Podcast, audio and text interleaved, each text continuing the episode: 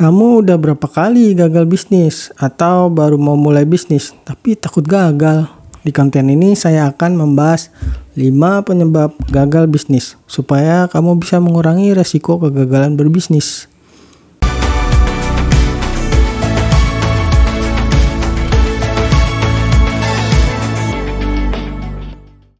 Banyak sekali orang yang mencoba untuk berbisnis tapi gagal di tengah jalan Sebenarnya dari kegagalan yang dialami oleh mereka, kita bisa menarik pelajaran.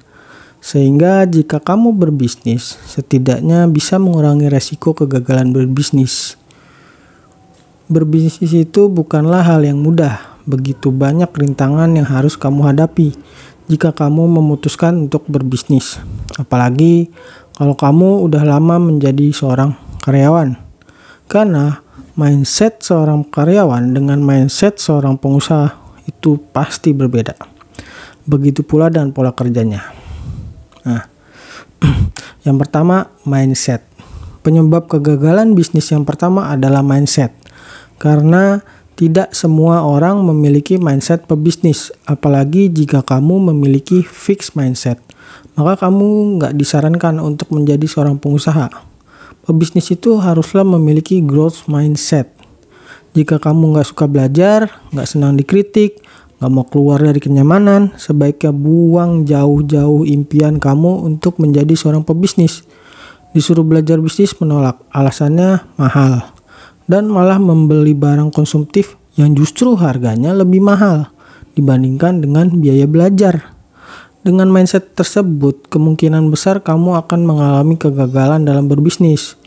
Jadi, urungkan niatmu untuk menjadi seorang pengusaha.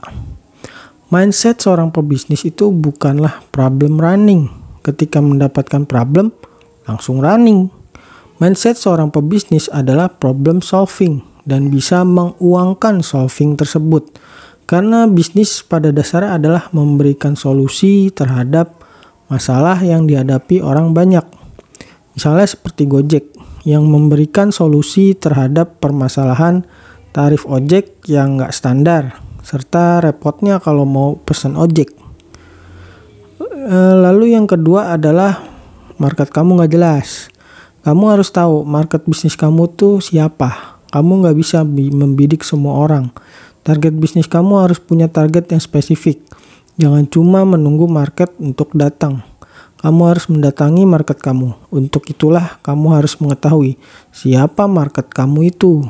Buatlah analisa di mana market kamu berkumpul. Media sosial apa yang sering digunakan oleh market kamu, range umur mereka, lalu cara menjangkau mereka itu gimana, dan apa problemnya. Jika kamu mengetahui market kamu dengan jelas dan spesifik, kamu pun bisa membuat strategi pemasaran untuk menjangkau mereka. Jangan hanya menunggu aja, karena jika cuma menunggu, ya kamu akan tergilas oleh para pesaing kamu. Lalu, masalah ketiga adalah kamu nggak ngerti marketing. Berbisnis tanpa mengerti tentang marketing sama saja berperang tanpa senjata. Marketing itu menjadi sebuah senjata dalam bisnis, mulai dari produk, branding, promosi, akses SDM hingga harga itu semuanya ada dalam marketing. Salah satu kegagalan bisnis yang disebabkan oleh marketing misalnya dari sisi promosi nih. Ada banyak pelaku bisnis yang mengabaikan promosi dan hanya menunggu pembeli untuk datang. Padahal Promosi merupakan salah satu hal yang sangat penting untuk dilakukan agar target market kamu tahu siapa kamu dan apa yang kamu jual.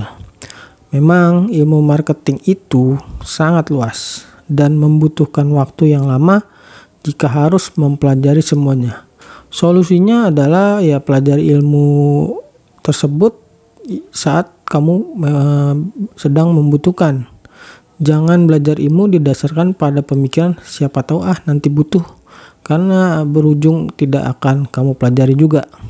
Saat kamu membutuhkan cara untuk mendatangkan traffic misalnya, kamu bisa mempelajari ilmu tentang traffic. Misalnya seperti Google Ads atau Instagram Ads. Masalah yang keempat adalah tidak mengerti sales. Sales atau penjualan merupakan ujung tombak dari semua bisnis. Jika tidak ada sales, tidak ada pemasukan Tetapi banyak orang menganggap bahwa sales itu akan terjadi jika sudah upload ke media sosial atau memajang foto di marketplace. Untuk bisa terjadi sales atau penjualan ada hal-hal yang harus kamu lakukan, nggak sekedar posting foto. Misalnya seperti mengedukasi, mendatangkan traffic dengan menggunakan iklan, atau ada yang atau ada juga yang harus kamu pelajari untuk bisa mengkonversi seperti kamu tuh harus belajar copywriting atau landing page. Lalu yang kelima adalah buruknya pengelolaan keuangan. Buruknya pengelolaan keuangan merupakan salah satu penyebab hancurnya bisnis. Karena uang itu harus dikelola dengan baik. Kamu nggak bisa berjualan begitu aja tanpa memperhatikan aliran uang. Kesalahan-kesalahan seperti tidak membuat laporan keuangan, terlalu banyak mengeluarkan uang di awal, serta menggabungkan keuangan pribadi dengan keuangan bisnis itu merupakan hal-hal yang bisa menyebabkan hancurnya bisnis kamu. Itulah tadi 5 penyebab gagalnya bisnis.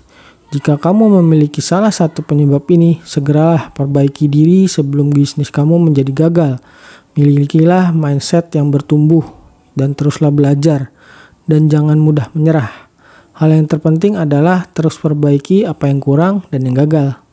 Jangan lakukan hal yang sama jika kamu menginginkan hal yang berbeda. Karena seperti kata Einstein, hanya orang gila yang melakukan hal yang sama tetapi mengharapkan hasil yang berbeda. Oke, sampai di sini pembahasan tentang 5 penyebab kegagalan bisnis. Sampai jumpa di konten berikutnya. Dah.